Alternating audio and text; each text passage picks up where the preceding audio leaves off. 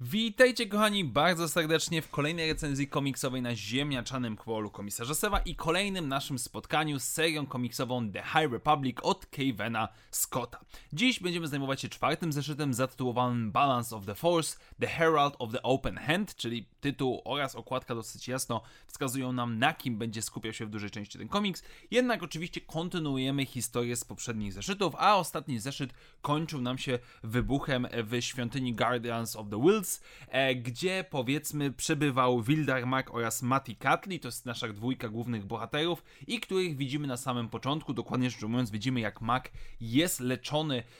przez jedną z członkiń kongregacji mocy na jecie, no i mamy też wspomnienie co właściwie się stało, że Mac zablokował wybuch, dzięki czemu udało mu się uratować niektóre osoby, ale jeden z przedstawicieli Guardiansów e, niestety nie żyje, no i następnie próbują nasi bohaterowie dowiedzieć się co się właściwie stało, Mac próbuje przysłuchać droida, który należał do Teja Sireka, który jest oczywiście podejrzewany o to, że on to tak naprawdę wysadził, bo był widziany z ładunkiem w ręce. E, natomiast sam Sirek jest przetrzymywany przez Guardiansów w świątyni kryształów e, jako podejrzany, główny podejrzany względem tego, co się dzieje. No i oczywiście to jest pewnego rodzaju domknięcie z jednej strony tego, co się działo w poprzedniej zeszycie, natomiast następnie przechodzimy do kongregacji mocy. Widzimy posiedzenie kongregacji, gdzie znajdują się przedstawiciele przedstawiciele różnego rodzaju sekt, którzy dyskutują nad ewentualną winą Sireka, ponieważ Mac coraz bardziej zaczyna zastanawiać się i dochodzić do wniosku, że jednak to nie jest aż tak proste, jak wszystkim mogłoby się wydawać, że rzeczywiście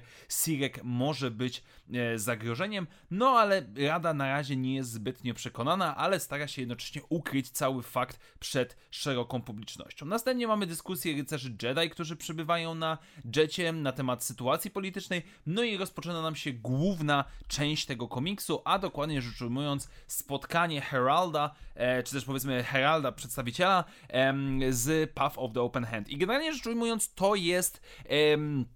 fragment, który bardzo mocno uzupełnia się, a jednocześnie jest powtarzany względem tego, co dostaliśmy w słuchowisku Battle of Jetta. No i na początku mamy inaczej tego nie mogę nazwać, e, dyskusję teologiczną między przedstawicielami Path of the Open Hand a przedstawicielami kongregacji na temat istoty mocy. No bo oczywiście Path twierdzi cały czas, że nikt nie powinien używać mocy, że jeżeli ktokolwiek używa mocy, to jej nadużywa, wyrzuca z równowagi i tak dalej, co jest absurdalne, znaczy co jest abstrakcyjną rozmową, ponieważ mamy przedstawicieli kilku sekt, którzy cały czas się kłócą. No i oczywiście, kiedy Heraldowi nic nie udaje się osiągnąć, rozpoczyna się to, co kojarzymy przede wszystkim z słuchowiskiem czyli jego podburzanie mieszkańców Jety do buntu, do, nie, do powiedzmy zerwania z kongregacją. Mówi on, że został uciszony, że oni kłamią, okłamują was, moi drodzy, nie dajcie się z, um, omamić i tak dalej, i tak dalej. No i dochodzi, rozpoczynają się powiedzmy zamieszki, których, e, które widzieliśmy w Battle of Jetta,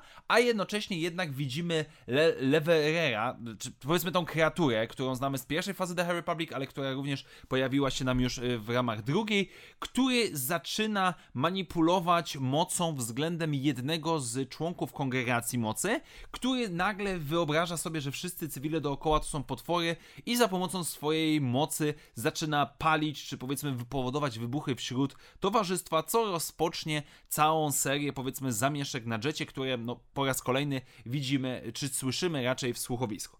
I ten zeszyt um, jest trochę inny względem poprzednich. Odchodzimy trochę od głównego, od głównych założeń, od głównych naszych bohaterów, którzy owszem pojawiają się przez całą historię, ale widzimy, że jest on pewnego rodzaju wstępem do innej perspektywy do bitwy o Jetę. Co jest jakby zrozumiałe jak najbardziej, no biorąc pod uwagę skalę tego wydarzenia, musi być to ukazane. Z drugiej strony.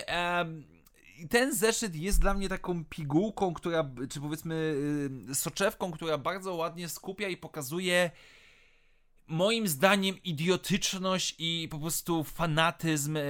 ścieżki, czy też powiedzmy tej Path of the Open Hand, ponieważ cała dyskusja, ta teologiczna opiera się na zasadzie My uważamy, że moc jest krzywdzona przez Jedi, w skrócie przez Jedi, no i muszą to przestać robić, ale nie macie na to żadnych dowodów. Ale nie, bo my tak mówimy i tak jest. A, ale nie macie żadnych dowodów. Nie zgadzacie się z nami, więc jesteście opresją względem nas. Generalnie rzecz ujmując, cała ta dyskusja, biorąc pod uwagę oczywiście jak Jedi jest, no tak jak już nieraz mówiłem, tą Jerozolimą e, Gwiezdnych Wojen, miastem czy planetą w tym przypadku wielu e, religii, sekt, kultur, e, jest to powiedzmy miejsce, gdzie bardzo ciężko jest wypracować balans jakiś dyplomatyczny między różnego rodzaju grupami, a co dopiero kiedy wchodzi nam Path of the Open Hand, które z jednej strony może i w to wierzy, ale z drugiej strony pewnie ma też swoje motywacje polityczne, żeby w ten, a nie w inny sposób. Jednocześnie mamy... Em, Mamy pokazaną Jarnę Ro, która e, ma tą swoją, powiedzmy, różdżkę, która nazywa się Rod of Seasons, czyli powiedzmy e, różdżka sezonów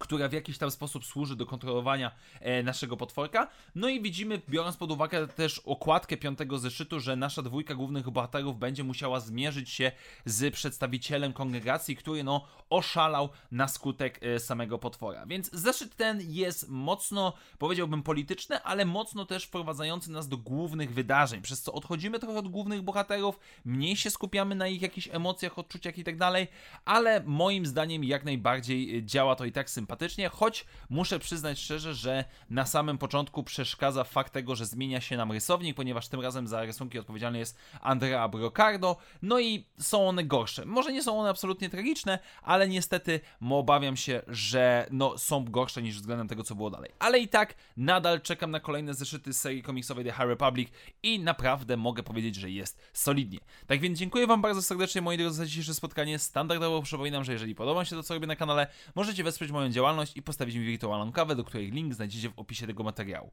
Jeszcze raz wielkie dzięki, do zobaczenia w następnych materiałach i jak zawsze niech moc będzie z Wami. Na razie, cześć!